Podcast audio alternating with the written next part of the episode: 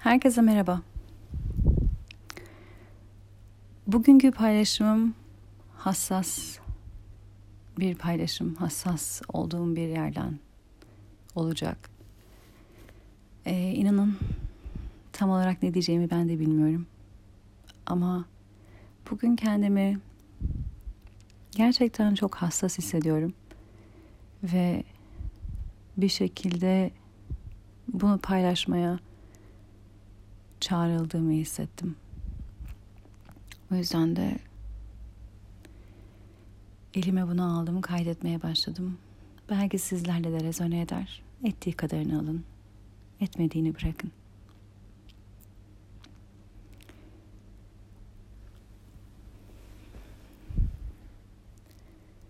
Çocukluğuma bakınca bazı tekrar eden, tekerrür eden e, paternler, döngüler görüyorum, görebiliyorum. E, bunlardan bir tanesi fark etmesi benim için ağır olsa da e, fark ettikten sonra kabul etmesi bugün olduğum halimi açıklamakta çok yardımcı oldu. Zaten genelde öyle olmuyor mu? Bugün olduğumuz halimizi bazen anlamıyoruz. Niye böyleyiz? Niye böyle olduk? Niye böyle görüyoruz? Niye böyle algılıyoruz? Niye böyle yapıyoruz?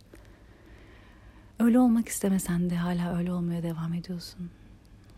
Artık güvenmek istiyorum diyorsun ama hala güvenemiyorsun. Ve ne zaman başladı bu? Ne zamandan beri böylesin? Bilmiyorsun.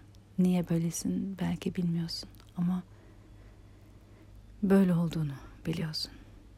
Bazı hallerini biliyorsun, bazı hallerini bilmiyorsun, bazı hallerini artık böyle olmak istemiyorum diyorsun. Bunlara cevap ararken işte bir yolculuğa çıkıyorsun. Bazıları e işte ben böyleyim ne yapayım diyor. Belki öyle olmaya devam ederek e, farklı deneyimler yaşamaya çalışıyor.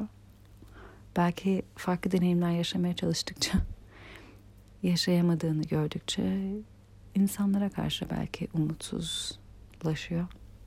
Belki de işte o zaman başka ne yapabilirim demeye başlıyor. Başka ne yapabilirim dediğimizde de özellikle başka nasıl olabilirim demiş olmuyoruz aslında. Ben aynı kalmaya devam ederek davranışlarımı nasıl farklılaştırabilirim ki farklı sonuç elde edebilirim demiş oluyoruz. İşin komik tarafı başta farklı sonuç elde ediyormuşuz gibi gözükse de günün sonunda yine kendimizi aynı yerde buluyoruz. O zaman da daha bir umutsuzluk oluyor. Çünkü e, şimdi ben davranışlarımı da değiştirdim. Bak farklı olanı da yaptım. Nasıl hala aynı yerde buldum kendimi diye. Belki belki ondan sonra ben daha farklı nasıl olabilirim diyoruz. İşte o zaman da bu yolculuğa çıkıyoruz. Derinlere inmeye. Ne oldu da böyle oldu? Ne yaşandı da? Neyi nasıl algıladım, neyi nasıl gördüm de? Neyi deneyimledim? Ve bazen cevap bulabiliyoruz, bazen tam bulamıyoruz. Bazen cevap olabilecek şeyler buluyoruz. Ve bazen de tekrar eden, tekerrür eden döngüler karşımıza çıkabiliyor.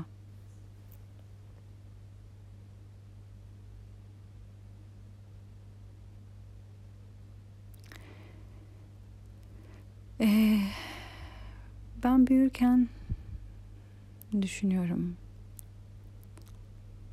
Hmm, çocukluğumda beni okul okul dersleri okul dışındaki aktiviteler konusunda e, destekleyen bir annem babam vardı. Zaten benim sorumluluk hissim o kadar yüksekti ki çok desteklemelerine gerek yok zaten bana bir sorumluluk verildiğinde her şey bir kenara o sorumluluğun yerine geçirilmesi misyonum olurdu. İşte bir de başka şeylerden kaynaklanıyor. Kimseye hayal kırıklığına uğratmak istememek, mükemmeliyetçi olmak, evdeki huzuru korumaya çalışmak, e, herhangi bir şekilde bir sorun yaratmamak. Çünkü sorun yaratırsan e, başına kötü bir şey geleceğini düşünmek veya huzursuzlukla evde bir şey yol açacağını düşünmek falan filan neyse. Bunun açılımı uzun. İşte bütün bunları fark ediyor insan. Onu demeye çalışıyorum böyle kendine baktıkça. Ee, şöyle bir şey var. Fark ettikçe özgürleştiriyor da. Bunu da söylemem lazım. Ee, benim kendimde aslında o sorumluluk sahibi diye açıkladığım şeyin sorumluluk sahibi olmaktan çok daha başka bir şey olduğunu, çok daha öte bir şey olduğunu gördüm. Yani kendimi belki tarif etsen sorumluluk sahibi diye tarif ederdim.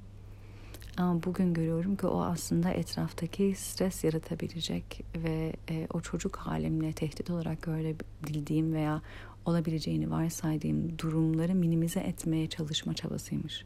Hani ben üzerime düşen her şeyi yapayım ki bir şekilde problem yaratabilecek bir durum söz konusu olmasın. Bir duruma bir katkım olmasın. Problem olabilecek bir şeyi ben yaratmayayım. Ee, ve problem olabilecek herhangi bir şeyi yaratacak olma korkusu, tedirginliği, e, bütün aslında bunlar. Yani sorumluluk sahibi olmak başka bir şey. Sorumluluk sahibi bir şeyi seçerek sorumluluğunu almak. Bu çok ciddi korku bazlı bir bir şeyden korunmaya çalışmak, kaçınarak yaşamak aslında. Sürekli bir şeyden kaçmaya çalıştığın için başka şeyleri yapmak ve oldurmaya çalışmak oluyor. O zaman o bir şeyi inşa etmek için hani sorumluluk sahibi bir şeyi inşa etme yönünde atılan adımlar aslında. Burada bir şeyi inşa etmeye atılan adımlar değil, bir şey olmasın diye yapılmaya çalışan şeyler var. Böyle yaşamışım zaten hayatımı. Mesela bunları fark ettikçe o kaçmaya çalışmayı bıraktım. Bir günde olmadı tabii. Ama mesela alt bel ağrısı bile ki benim alt bel ağrım yok ama bazen sol tarafıma giren bir siyatik ağrım vardı. Artık o da kalmadı çünkü bunu da anladım. Bunu da sizinle paylaşayım. Somatik bakış açısına göre alt bel ağrısı aslında şundan kaynaklanıyor. Herhangi bir anda bir tedirginlik yaşıyorsan beden fight or flight moduna geçiyor aslında. Yani çıkmak istediğin bir yer orası e, şirkette patronun sana bağırıyor olabilir. Evde annen baban bağırıyor olabilir. E, biriyle kavga ediyor olabilirsin. Sokakta bir kavgaya şahit olmuş olabilirsin. Bir araba kazası görmüş olabilirsin. Hiç o değil telefonundan izlediğin videolar, e, gördüğün fotoğraflar. Aslında kaçma duygusu yaratıyor olabilir sende. Yani bir şekilde çok yüksek bir stres bedenin tehlike olarak algıladığı ve oradan kendini çıkarma isteği var. Orada beden o flight yani kaçma arzusuna geçtiği zaman beden aslında hareketsiz olsa bile beden hareket edecekmiş gibi davranıyor ve ne yapıyor? Bacağını kaldırmak için bu karınla bacak arasında hip flexor dediğimiz um, bir kas grubu var şimdi Türkçesini bilmiyorum bunun ama e, karnından üst bacağa bağlanan yer onu e, contract ediyor yani kısaltıyor yani çekiyor. Bu niye? Yürümek için, koş, koşmak için o bacağı kaldırmak için aslında bedenin yaptığı harekettir bu. Sen bir şey oturup izliyor olabilirsin ve bedenin veya bir şeye maruz kalmış olabilirsin ve dona kalmış olabilirsin. Beden e, aslında oradan çıkmak istiyor, kaçmak istiyor ve beden onun hareketini aslında sen oturduğun yerde kalsan bile onun hareketini yapıyor ve ne yapıyor? O kas grubu çekiyor, kısalıyor. Ne için? O ayağı yerden kaldırmak için ki sen yürüyüp git, koşmaya başla diye. Şimdi ama sen orada oturuyorsun. Bir yere gitmiyorsun. bedenin hareket enerjisine geçmek istiyor aslında, gitmek istiyor ama gitmiyorsun. Bedenin senin yürümen için gerekli hareketi yapıyor ama sen yürümüyorsun. O orada kasılı kalıyor. O kas grubu kısalıyor ve kasılı kalıyor. O kısaldığı için çekiyor. Ve siyatik bölgesi alt bel bölgesine vuruyor. Çok alt bel ağrısı olan insanların aslında kaçmaya çalışması bedeninin onun alt bele vurmasına neden olabiliyor. Fiziksel ve somatik açıklamayla bunu bu şekilde açıklayabiliriz. Bedenin aslında kaçmak istemesi, gitmek istemesi ama gidememesi, durup kalması bedenin orada takılı kalmasına neden oluyor. Donup kalmasına neden oluyor. Um, ve beden onu harekete geçiremediği için çekili kalıyor oradaki kaslar ve alt bele vuruyor. Bu alt bel ağrısı olan bir arkadaşımla paylaştım bunu. Ve bir anda kendisi dedi ki Seda inanamıyorum. Çünkü durup dururken pat diye dedi belime ağrı giriyor dedi. Yani gayet iyi geçerken her şey. O sırada ne oluyor dikkat et bundan sonra dedim. Hakikaten durup dururken mi yoksa belki bir mesaj geldi bir müşterinden ve bir şey o mesajın gelmesinde bir şey seni tedirgin etti veya mesajın içeriğindeki bir şey seni rahatsız etti. Yani bedenin o sırada kendince bir stres yaşıyor olabilir ve beden o stresin büyüklüğü küçüklüğünü ayırt etmiyor. Ee, bunu bir kaplan gibi aslan gibi kaçacağı bir şey olarak yorumlayabiliyor ve beden öyle tepki veriyor olabilir sen farkında olmadan. Yani sen küçük bir stres gibi düşünebilirsin. Beden oraya kaçma, flight tepkisi veriyor olabilir ve o da alt beline vuruyor olabilir. O saniyede veya 5 dakika, 10 dakika, 15 dakika sonra, yarım saat sonra, bir saat sonra. Bunlara dikkat et dedim. Ve dedi ki aynen öyle dedi. Yani e, biriyle kavga etmeye başladığında alt beli ağrımaya başlıyormuş mesela veya böyle hakikaten böyle bir mesaj geliyor böyle bir arama geliyor onu strese sokan arkasından alt bel ağrımaya başlıyor. Dikkat edin siyatik veya böyle alt bel ağrıları aslında ne zamanlar giriyor? Hangi dönemler hayatınızda? Bu bir telefon konuşması da olmayabilir. Öyle bir dönemden geçiyorsunuz ki arkasından vurur.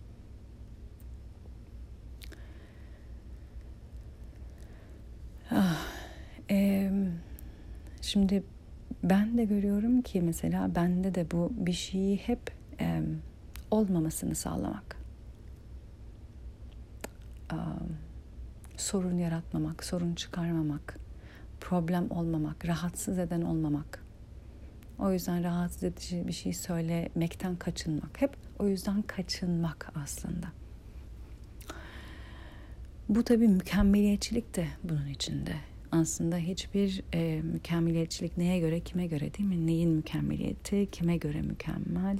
Öyle bir şey yok ama işte aslında her şey doğru, muntazam olursa bir şeyi bir şeyden kaçınacakmışsın gibi hissediyor insanlar. Bir şeyin olmasını engelleyecekmişsin gibi, bir şeyin olmasını e, durduracakmışsın gibi.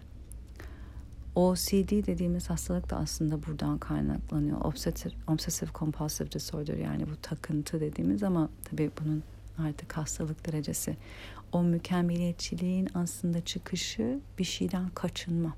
Bir şeyi olmamasını sağlamaya çalışma. İşte bu takıntılı davranışlarda da şey düşünceleri oluyor.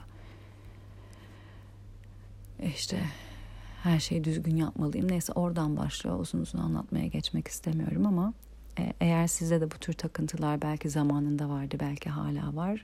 E, sizde belki hani rezone edebilir. E, onu sürekli o şekilde yapma ihtiyacı. Yani elini yıkıyorsun beş dakika sonra yine yıkama ihtiyacı.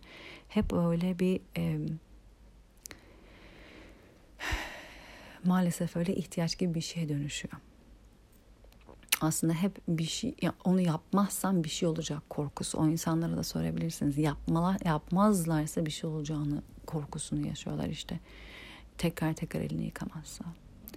Bu nedir? Korkuyla yaşamak ve hep bir şeyin olmayan bir şeyin olmasını engellemeye çalışarak. Olacağına dair bir bilgi de yok orada. Ama ya olursa diye. burada aslında ne oluyor? Nasıl bir ortamda büyümüş oluyor o kişi? Hiç beklenmedik zamanlarda kişiyi tedirgin eden, korku içinde bırakan, tehdit unsuru varmış gibi hissettiren durumlar içinde buluyor kendini ve ne zaman nasıl ne durumun bunu getireceğini bilmediği için de çok büyük bir bilinmezlik var. Sürekli kendisi bunun stresini yaşıyor o zaman. Ne zaman, nereden, nasıl bir durumda bir tehlike gelecek bilmiyorum. Bir stres gelecek bilmiyorum. Onu her an, her saniye, her daim gelmesini engelliyor veya erteliyor gibi yaşamam lazım.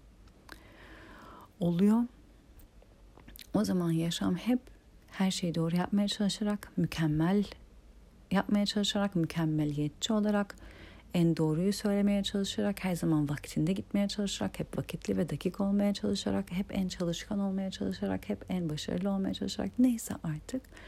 Hep bir şeyin uğruna. Ama bu aslında bir şey inşa etmek için olmuyor. Burada kişi yaşarken bir yere doğru değil hep bir şeyin olmasını engellemeye çalışır gibi olmasından kaçınır gibi kaçarmış gibi yaşıyor oluyor.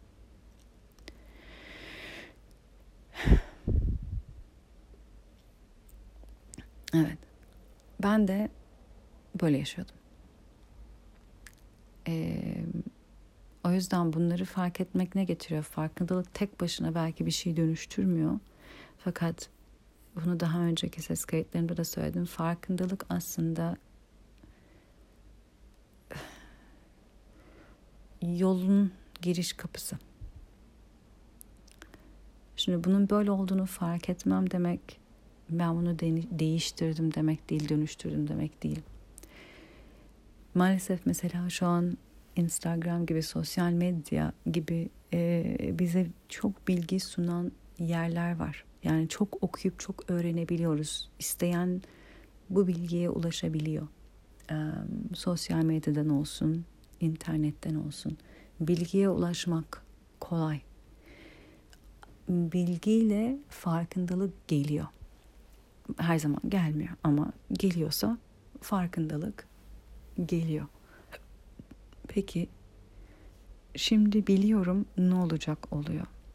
Veya birçok insan belki de yere geldiğinde bildim tamam o zaman hani bildiysem dönüştüm düşüncesi veya bildiysem tam artık bundan sonra farklı yapayım algısına geçebiliyor ama bilmek peki bununla ilgili bir şey yapmak istiyor muyum yapmak istemiyor muyum sorusunu sorduran şey aslında bilmek yolun sonu değil yola çıkıp çıkmak istemeyeceğini belirleyen şey. Bazı insanlar bunu bilse bile bununla ilgili bir şey yapmak istemiyorlar. Ne yapayım ben de böyleyim diyor. Bunun işe yaradığını düşünüyor. O da var. E beni işimde iyi yapan benim bu şekilde var oluyor olmam. Ben işimde başarılı olmak istiyorum. Bu şekilde var olmak istiyorum ki işimde başarılı olmaya devam edebileyim. Böyle bir arkadaşım vardı onunla konuşurken işte paylaşıyordum kendimi. O da evet ben de ama dedi işimde ben böyle başarılıyım. Ben de dedim ki sen işinde böyle olduğun için başarılı değilsin. Sen başka türlü de olsan başarılı olursun. İşini seviyorsun. Çok memnunsun. Çok keyif alıyorsun. Tutkuyla yapıyorsun. Böyle yaşamak zorunda değilsin. İşinde başarılı olan özelliklerini devam ettirebilirsin. Sen seçimli olarak da çok çalışkan bir insan olabilirsin. Ama bir şeyden kaçarcasına yaşamana gerek yok. Ve bakın çok ilginç bir şey söyleyeceğim size. Kendisini beş senedir tanıyorum. Beş senedir sürekli bir şekilde düşüyor. Ayağını kırdı defalarca. Ayak parmağını kırdı. Ayağından ameliyat olmak zorunda kaldı. Hep ayağı ile ilgili bir problemi var. Kaç defa koltuk değnekleriyle yürümek zorunda kaldı. Bedeni ona bir şey söylemeye çalışıyor. Ayak diyorum çünkü biraz önce söyledim size kaçmaya çalışan bir beden var ve kaçmasına izin verilmeyen ve her, her dakika kaçma modunda olan aslında bir beden var. Ee, ve aslında bundan çıkarmaya çalışıyor kızı bir şekilde durdurmaya çalışıyor beden. Kemik kırılması da structure ile ilgilidir. Yani en temel varoluşunuzun temelinde yatan değerler, bakış açıları, inançların hani kırılıp değişmesi gerektiğini aslında göstermeye çalışır. Beden kırıkları. O da çok anlamlı. Ama yok kendisi hazır değil bu yola girmeye. O yüzden daha yeni yine konuşuyorduk. Yine işte yine bir ayak parmağını kırmış mesela. Evet o yüzden bunları fark etmek dediğim gibi dönüşmek değil, değişmek değil. E, hatta her bunu fark eden insan o yola giriyor da değil. Ama fark etmek isteyen için o yola girip girmeyeceğinin sorusunu verdiği cevapla yola girmesine sağlayabiliyor. Şimdi ben de kendim için kendi çapımda o yolda yürüyorum bir süredir. Ee,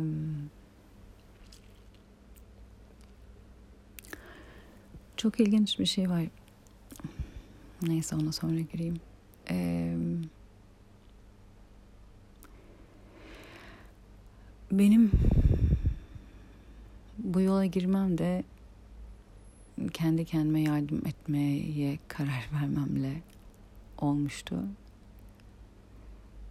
Ee,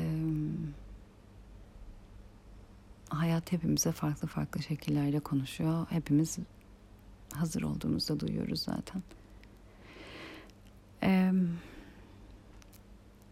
neyse ben de böyle bir algıyla büyüdüm ve böyle bir mükemmeliyetçi olma çabasıyla büyüdüm ve kendimce bir şeylerden kendimi korumak için bu varoluş şekillerini e,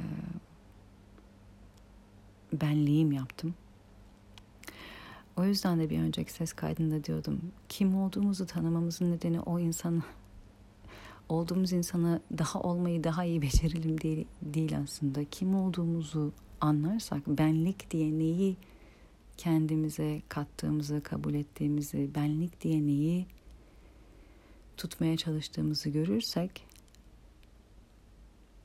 hakikaten kendin olmak için neleri bırakman gerektiğini aslında görürsün. Kendini tanımak bu halini daha iyi yaşayabildiği değil. Kendin dediğin şeyin seni sen olmaktan nasıl uzak tuttuğunu gör diye aslında. Gör ki bırakabil diye.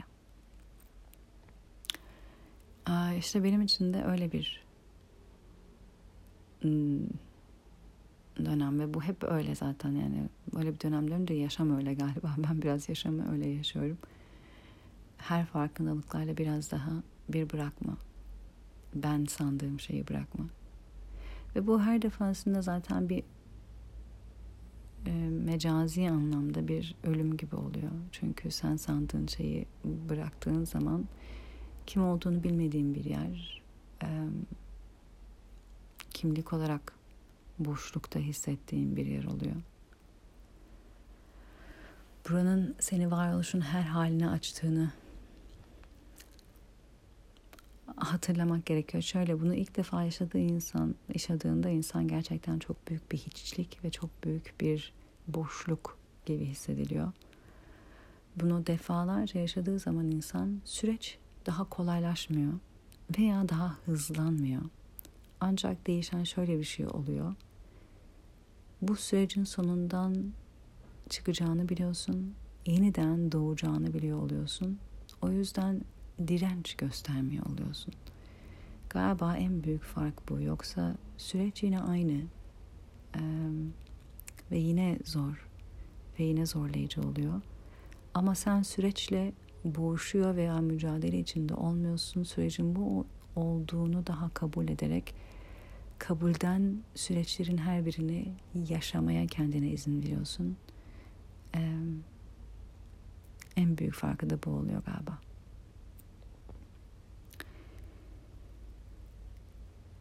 Ee, yine böyle bir dönemin içerisindeyiz bu arada onu da söylemek isterim. Belki sizinle de bu rezone edecek. Belki etrafınızda gördüğünüz insanlarla ilgili bunu rezone ettiğini görebilirsiniz, fark edebilirsiniz.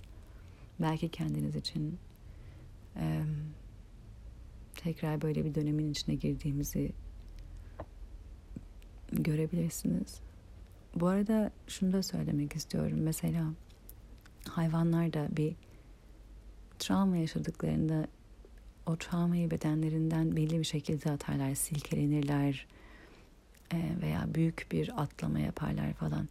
Şimdi onlar bir travma yaşadıklarında tamam canım travma nasıl yaşanır ben biliyorum nasıl olsa bedenimden silkeleyip atıyorum deyip o bedenden travmayı atma sürecini hiç yaşamadan e, o, sü o süreci geçirmiyorlar. Her defasında işte bunu somatik e, yoga ve şifa kampında somatik öğretiyorum, anlatıyorum ve deneyimliyoruz. Orada bunları çok detaylı anlatıyorum ama burada da kısa bir bahsedeyim.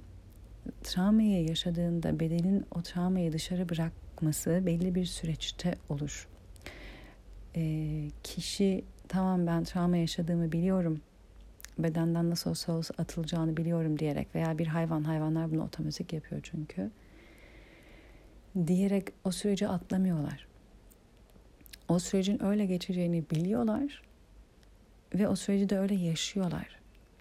Şimdi biz insan olarak bazı konularda e, belki biraz daha bilinçlendikçe veya deneyimimiz arttıkça onu atlayacağımızı zannediyor olabiliriz. Biz bir travma yaşadığımızda, e, bir kişisel bir zorluk yaşadığımızda, toplumsal, kolektif bir travma yaşadığımızda bu konuya hakim, bu konuyu bilen, bu konunun ehli olan insanlar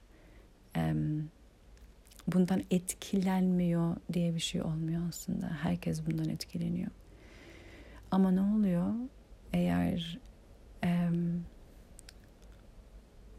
travma konusunda ve bedenin travmayı nasıl proses ettiği, nasıl o süreçten geçirdiği hakkında biraz daha deneyimimiz varsa, bilgimiz varsa o zaman süreci onore ediyoruz.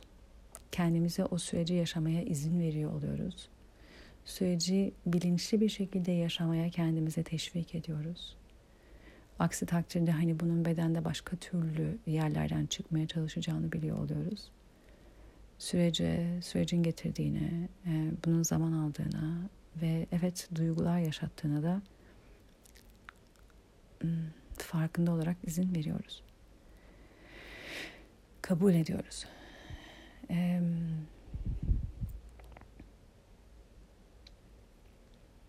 yine de yaşıyoruz.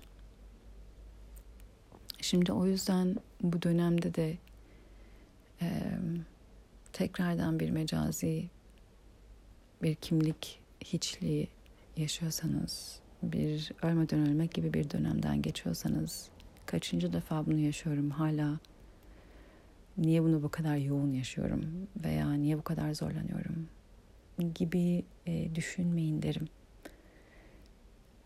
Tekrar tekrar yaşasanız bile bunun süreci bu.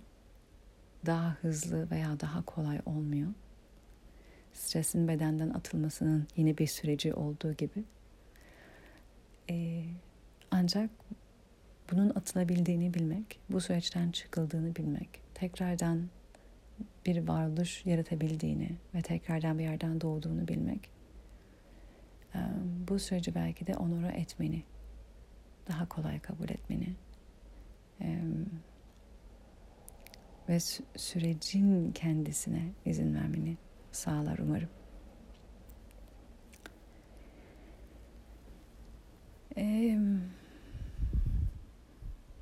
Ben bu kaydı başka bir şey söyleyeceğim diye aslında başladım. Daha oraya gelemedim bile. Çok komik.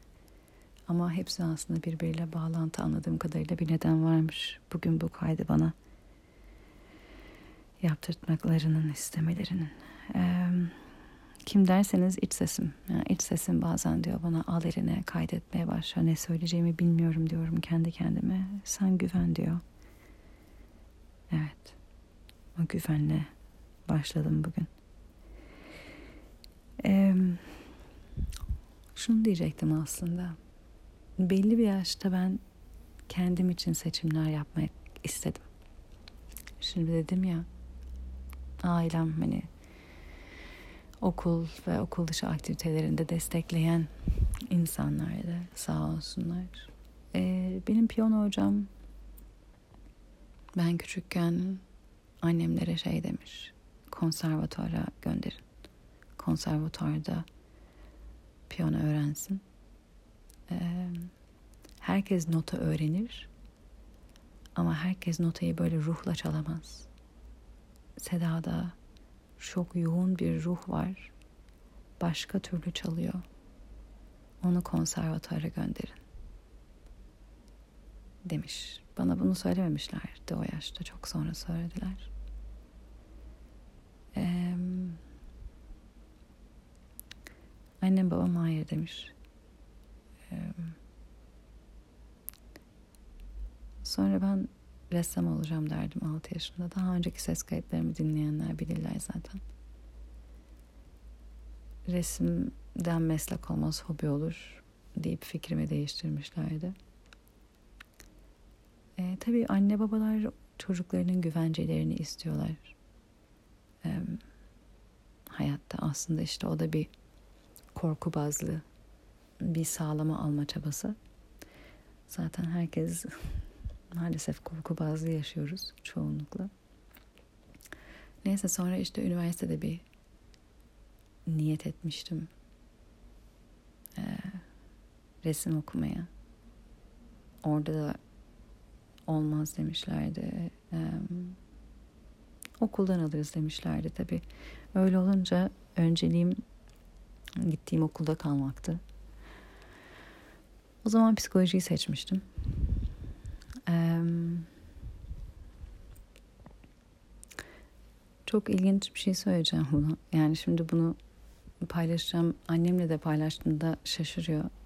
İkinci senemin sonunda psikolojiye karar verdim. Bizde iki sene sonra karar verme hakkı vardı. Zaten psikoloji dersleri alıyordum. Bu arada resim dersleri aldım ve e, yani ikinci bir ana, ana dal bitirecek kadar resim ve sanat tarihi dersleri de almıştım. Her ne kadar diplomamı psikolojiden almış olsam da. Ee, anneme ikinci senenin sonunda tamam dedim anne ben karar verdim. Hani resim olamıyor ama e, psikoloji de ben um, okuyacağım o zaman. Onu e, major'ım yapacağım Anadolu'm. Annem bana şey demişti. Hem bir psikolog hem bir anne olarak biraz ağır gelmişti bana bunu söylemesi ama senin için hiç uygun olduğunu düşünmüyorum kızım. Aa, demişti. Şimdi diyor kendisi nasıl böyle bir şey söyledim ben sana ben de bilmiyorum diyor. Valla ben de bilmiyorum dedim. Ee, çok ağır gelmişti bana o zaman bu laf. Zaten çok zor karar vermişim. İki sene hani en kalbim e, resimde yattığı için ondan vazgeçip başka böyle kendimi adayabileceğim bir alan seçmek. E, evet hoşuma gidiyordu ama hani okuyacağım alan olarak seçmeyi o zaman düşünmemiştim diyeceğim ama şimdi o da kendime bir haksızlık. Çünkü lisedeyken IB programı almıştım Türk programının yanında. Ve biz o zaman psikoloji dersi seçme ders açmamışlardı. Ama açma zorunlulukları vardı. Ee, o zaman bir ödev hazırlamamız gerekiyordu. Dönem ödevi gibi bir şey düşünün ama çok daha etraflı, iki sene araştırma yaparak toplanılacak e, ve yazılacak bir ödev. Ve ben psikolojiden seçmiştim ve okul seçemezsin. Hani biz size bu seçme dersi açmadığımız için açılan derslerden birini seçmelisin demişlerdi. Ben de açmamış olmak sizin um, şeyiniz, hatanız. Yani açmakla aslında sorumlusunuz. Siz açmadınız diye beni bundan bunu seçmekten alıkoyamazsınız demiştim. Çok iyi bir öğrenciydim. Ama hakkında arayan bir insandım her zaman. Öğrenmeyi sevdiğim için çok iyi bir öğrenciydim. Neyse sonunda ikna ettim. Ve hakikaten alamadığım bir dersten e, yazılı ödev hazırladım. Demek ki aslında psikolojiye ilgim varmış. Şimdi e, kimse kimseyi kandırmasın. Ben de sizi kandırmayayım. Kendimi de kandırmayayım. Um, evet. Neyse orada bana ağır gelmişti. Hem anne olarak annemin söylemesi hem bir psikolog olarak annemin söylemesi. Beni tanıyan ve alanı tanıyan bir insan olarak söylemesi. Zaten zor karar vermiştim. Bir de bu nereden çıktı demiştim. Neyse sonra ilk senenin sonunda e, anneme de zaten notlarımı gösterip hala aynı mı düşünüyorsun demiştim. O da hayır demişti. Şimdi bu çok küçük bir örnek. E, ama şöyle şeyi çok deneyimledim. Hassas olduğum zamanlarda nedense e, nedense değil nedenlerini de artık biliyorum da e, o hassasiyetimin bana karşı kullanılması. İngilizce'de bir laf vardır. Kick me when I'm down. Yani düştüğünde bire, bir de birinin seni orada tekmelemesi gibi. Ee,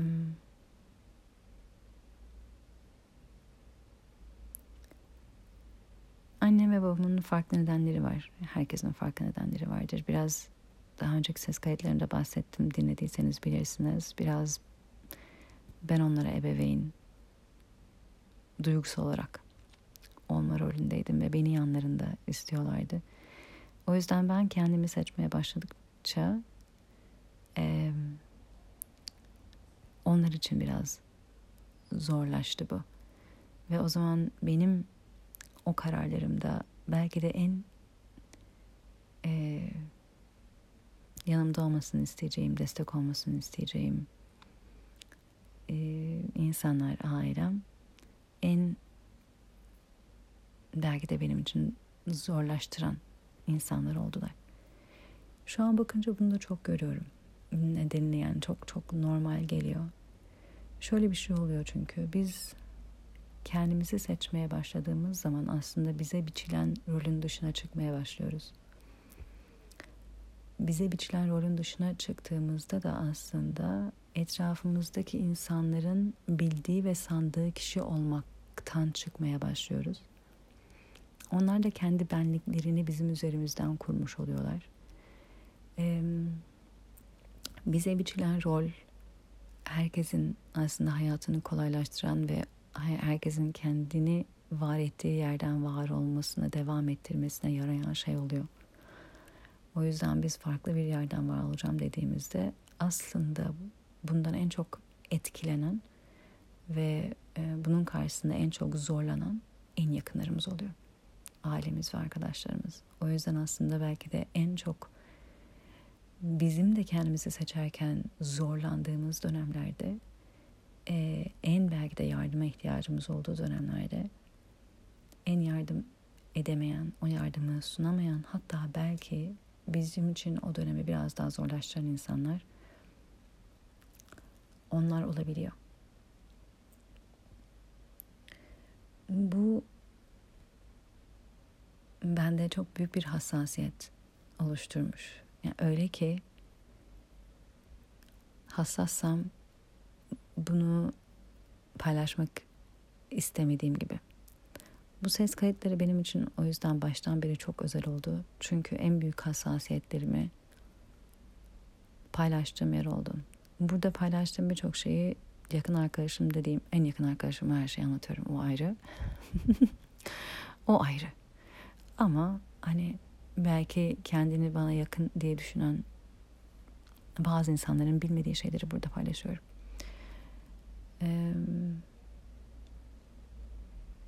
Çoğu zaman hayatta yaptığımız şeyler ilk kendimize şifa oluyor. Benim hayatta yaptığım her şey gibi kendime. Ve şunu fark ettim ki hep hayatta şey diye yaşamışım. Kimse benim yaşadığım zorluğu yaşamasın. Kimse benim çektiğim acıyı çekmesin. Kimse benim düştüğüm gibi düşmesin. Kimse benim yalnız kaldığım kadar yalnız kalmaz. Bir tarafım onu istemiş. Hani bir anne çocuğunun mümkünse hiç düşmemesini ister ya. Düşmesin, canı yanmasın. Sadece anne değil tabii anne, baba yani. Mümkün olduğu kadar onu korumak ister. Mümkün olduğu kadar um, acı, zorluk, kalp kırıklığı yaşamamasını ister. Diler. Tabii. Fark eder ki böyle bir şey mümkün değil.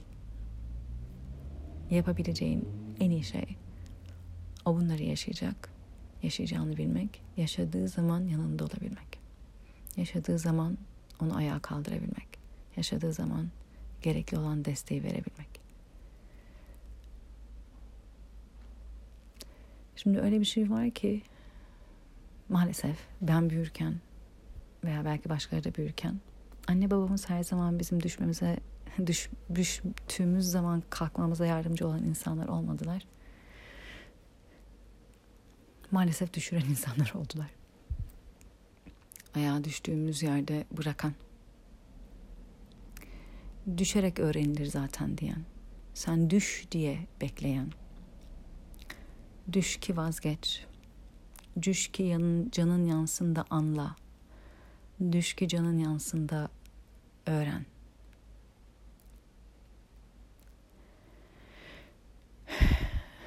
Düş ki acı çek ki ağzının payını al. Gibi gibi gibi. Ee, çok ilginç bir şekilde insan düşünce yaptığı şeyi daha iyi yapmayı öğrenmiyor aslında. Düşeceğini öğreniyor. Düşebileceğini öğreniyor. Düşmemeye çalışıyor aslında yaptığı şeyi yaparken. Bakın konuşmanın başına geldik ne kadar ilginç yaptığı şeyi daha iyi yapmaya çalışmak değil o zaman düşmekten kaçınarak onu yapmaya çalışıyor oluyor ve arada fark var. Düşsem bile kalkarım, düşsem bile desteklenirim, düşsem de iyi hissederim, bir yolunu bulurum hissi aslında kaçmadan yaptığı şeyi daha iyi yapmaya odaklanacak bir şekilde bir insanı harekete geçirirken her düşünde canı çok yanıyorsa bir insanın düşmemeye çalışarak bir şey yapmak aslında bu konuda daha nasıl iyileşebilir mi değil, nasıl düşmeden bunu geçirebilirim odaklatır. Odak farklı olur. O deneyimi yaşarken ki odağın farklı olur. Nasıl idare edebilirim? Nasıl bu oyı da geçirebilirim? Yani nasıl düşsem bile destekleniyorum. O zaman ben inşa etmeye nasıl odaklanabilirim? Nasıl odaklanırım ki bu işi alırım buradan taş- buraya taşırım. Bu durumu alır buradan buraya taşırım. Nasıl daha büyürüm? Nasıl daha ilerletirim? Nasıl daha yükseltirim? Odak bu olduğunda ona doğru çalışma, ona doğru harekete gitme, ona göre strateji planlama çok farklı olur. Hayatında, işinde, yaşamında bir şeyden kaçınarak yaşamaksa düşersem kimse olmayacak beni kaldıracak. O zaman düşmemem lazım. Düşersem canım çok yanacak. Kimse olmayacak yanımda bana destek olacak. O yüzden düşmemem lazım dediğin zaman hep düşmeden bu oyu nasıl geçirebilirim? Düşmeden bu aktiviteyi nasıl geçirebilirim? Düşmeden bu dönemi nasıl geçirebilirim? Bu ilişkiyi, bu dönemi bambaşka bir bakış açısı. Yine geçiriyorsundur o dönemi ama inşa ediyor musun? Bir yere ilerliyor musun? Bakış açın, stratejin neye doğru?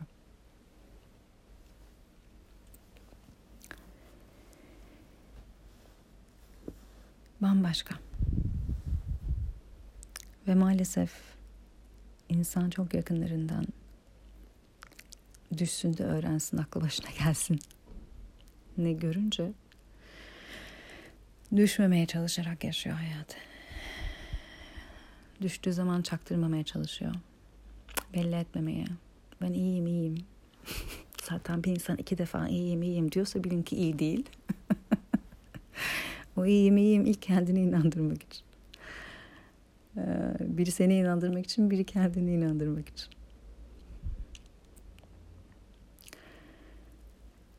Ee, çünkü bir şekilde o hassasiyetinin ya ona karşı kullanılacağına inanıyor.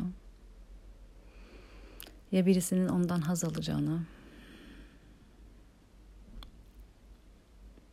Ya birisinin e, onun zayıflığını fırsat bilip onun üzerinde güç göstereceğine, domine edeceğine. Bak ben sana yardım ediyorum der gibi yaklaşıp um, kontrol etmeye çalışacağına. Çünkü bunların hepsini yaşadık. Ben yaşadım. Bir şekilde e, zayıf bulduğunda seni yeri geldiğinde yardım etmeye gelmiyor bazen insanlar. Kendi güçlülüğünü kendisine ispatlamak için senin acizliğinden yararlanıyor ve e, güçlü olan, kontrol eden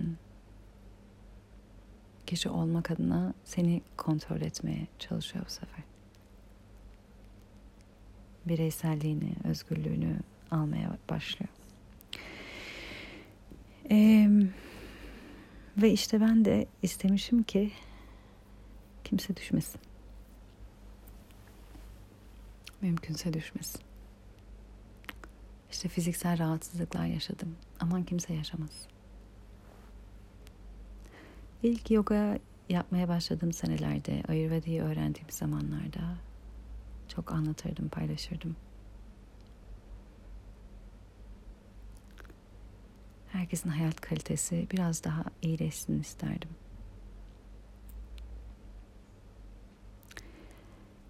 Şimdi görüyorum ki kimsenin düşmesini engelleyemem. Hayal kırıklığı yaşamasını, kalp kırıklığı yaşamasını, canının acımasını, fiziksel rahatsızlıklar, hastalıklar yaşamasını, canının yanmasını engelleyemem. Ama canı yananlar için, düşenler için, kalbi kırılanlar için bir şey fark edip bu yolculuğa çıkmak isteyen ama nereden başlayacağını bilmeyenler için o düştükten sonra buradan da kalkabileceklerini hissetmelerini sağlayan, bilmelerini sağlayan, kalkmalarına yardımcı olabilecek olan kişi olabilirim. Nasrettin Hoca'nın hikayesi gibi. Bilir misiniz onu? Nasrettin Hoca damdan düşmüş. Etrafına insanlar toplanmış. Demişler ki doktor çağırın hemen. Nasrettin Hoca da demiş ki bana doktoru değil damdan düşeni getirin. Çünkü damdan düşenin derdinden damdan düşen anlar. Daha önce damdan düşüp ayağa kalktıysa ve iyiyse ve yoluna devam ediyorsa bana onu getirin. O en iyi bilir. Geçen gün kendimi şükrederken buldum. Şükür dedim. Başkalarına yardım edebilecek durumdayım. O kadar büyük bir şükranla doldu ki içim. O kadar büyük bir teşekkürle doldu ki. Hep bunu diledim. Lütfen hep bir başkasına yardım edebilecek durumda olayım. Lütfen hep bir başkasına yardım edebilecek yerlere, konumlara. Beni koy. Ve yardım edebilecek durumda olayım.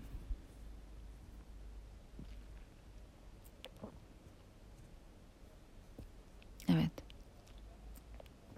Kimsenin acı çekmesini engelleyemeyiz.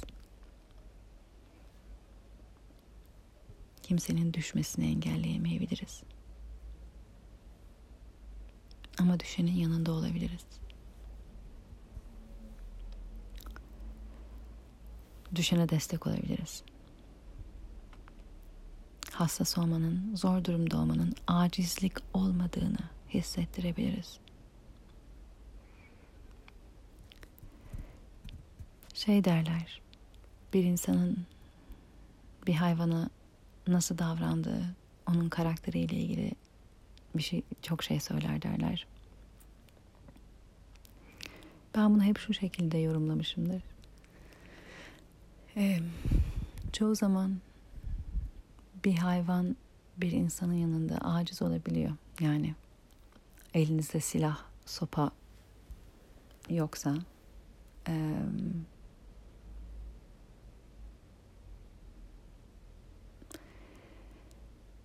bir aslan da sizin için bir tehlike teş yani teşkil edebilir tabii ki. Ama benim daha düşüncem hani insan silah sopa da kullanmayı biliyor. E, öyle olduğunda hani bir köpek, bir kedi, bir kuş, bir sincap, bir tavşan bir insanın yanında aciz gibi gözükebilir. Bir insanın kendinden daha aciz olana nasıl davrandığı, onu nasıl gördüğü, o kişiyle ilgili çok şey söylüyor bence. Kolluyor mu? Kucaklıyor mu? İyi bakıyor mu? Destekliyor mu? Sadece o da değil. Hakikaten aciz görüyor mu? Yoksa o varoluş kendi varoluşunu gerçekleştirebilmesi için desteklenmeye ihtiyaç ihtiyacı olan bir şey olarak görüp o hayvanın kendini en güzel, en mutlu, en sağlıklı haliyle var olabilmesi için kendisini buna bir araç olarak mı görüyor? Bir vesile olarak mı görüyor?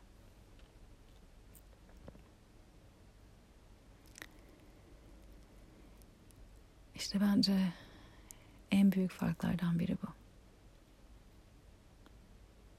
Buradaki şefkat bir şeyi kendinden daha aşağı, düşük, aciz, zayıf görmekle verilen bir şefkat, sunulan bir şefkat değil.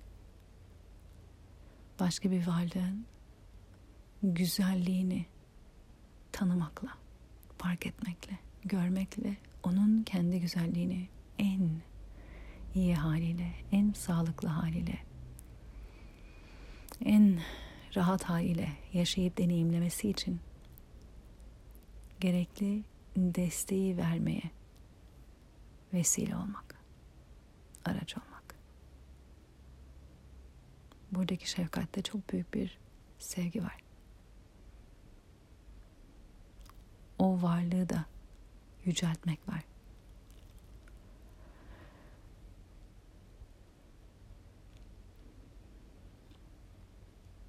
Her zaman böyle olmuyor. Niye hassas olmaktan kaçınıyoruz? İşte çok nedeni var. İnsanların aciz gibi gördükleri varlıklara, insanlara ne yaptıklarını gördüğümüzde de insan aciz olmak istemiyor. Hassas olmak hiç istemiyor.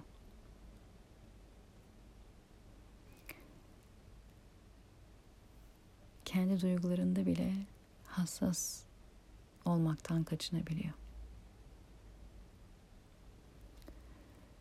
Üzüntü, yaz, bazen öfke olarak bile kendini gösterebiliyor.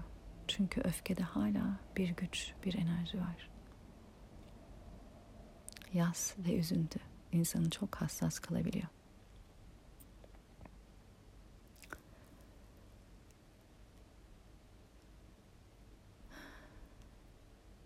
kolektifte de bireysel sürecimizde de belki de kendi hassasiyetimizi çok yoğun ve derinden yaşadığımız bir dönem olabilir.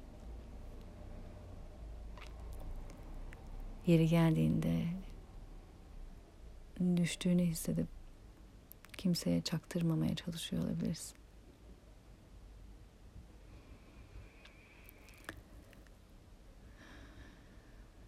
Bu süreçte biraz önce dediğim gibi kimsenin düşmesini engelleyemem.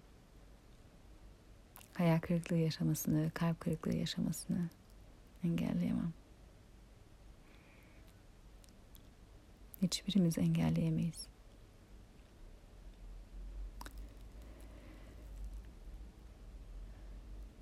Ancak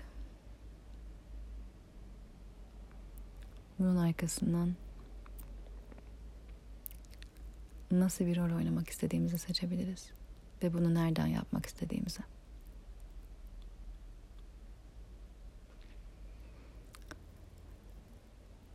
Şefkatle, sevgiyle ve birbirimizin ışığını yüceltmek isteyerek.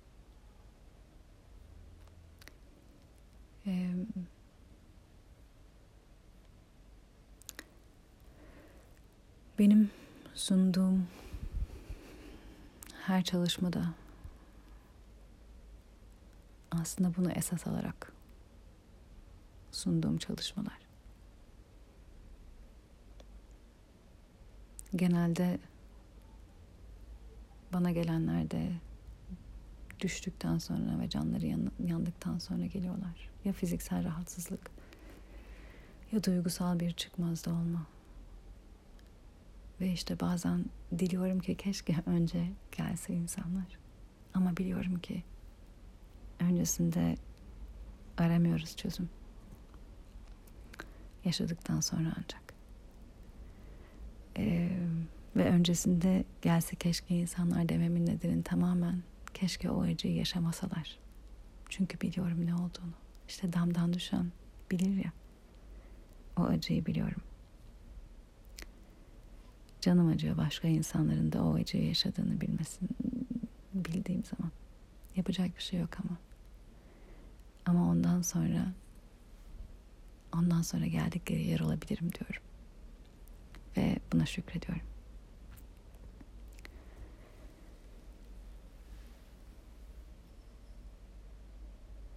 Kendim bu yolda yürümeye de devam edebiliyorum. Bu güçle, bu istekle hem kendi hayatımda kendi varoluşumu en derininden e, ışığa çıkarmak için benim kendi varoluşumu en güzel halimle yaşayabilmem için hem de bu yolda yürümek isteyen, yürümeye devam edenlere her yönden, her anlamdan orada olabilmek için. Ee, benimle çalışmak isterseniz kendinle sevgiden buluş farkındalık atölyesi sunuyorum. Bu online bir çalışma. Ee, en yakın zamanı 23-26 Kasım. Bunu düzenli olarak veriyorum. Yani bu ses kaydını ne zaman dinleyeceğinizi bilmiyorum ama web sitemden bakabilirsiniz sedaerkman.com çünkü birkaç ayda bir veriyorum bu çalışmayı. Mart ayında yoga ve ayurveda ile içindeki evreni tanı e, inzivası düzenliyorum. Dört günlük bir inziva. Fiziksel, duygusal rahatsızlıklar yaşıyorsanız katılmanızı öneririm. Ee, derin bir anlayış sağlıyor. Bambaşka bir bakış açısı, bambaşka bir e, yaşama biçimi sağlıyor. Mayıs ayında da yoga ve şifa ile ferahlığa yolculuk kampı sunuyorum. Yoga, e, kristal çanaklar, meditasyon ve somatik çalışmalarla anksiyete, stres ve bunların yarattığı neden olduğu hayatımızı kısıtlayan veya zorlaştıran tüm her şeyi yeniden düzenleyebilmek, sinir sistemini yeniden düzenleyebilmek ve kaçarak değil, yaşamın içinde anda var olabilecek şekilde sinir sistemini yeniden düzenlediğimiz bir çalışma oluyor. Aynı zamanda koçluklar ve birebir kristal sonik terapi veriyorum. Daha fazla bilgi almak istiyorsanız her zaman bana yazabilirsiniz veya web sitemden daha fazla bilgi edinebilirsiniz. Güzel günlerde sevgiyle buluşmak üzere.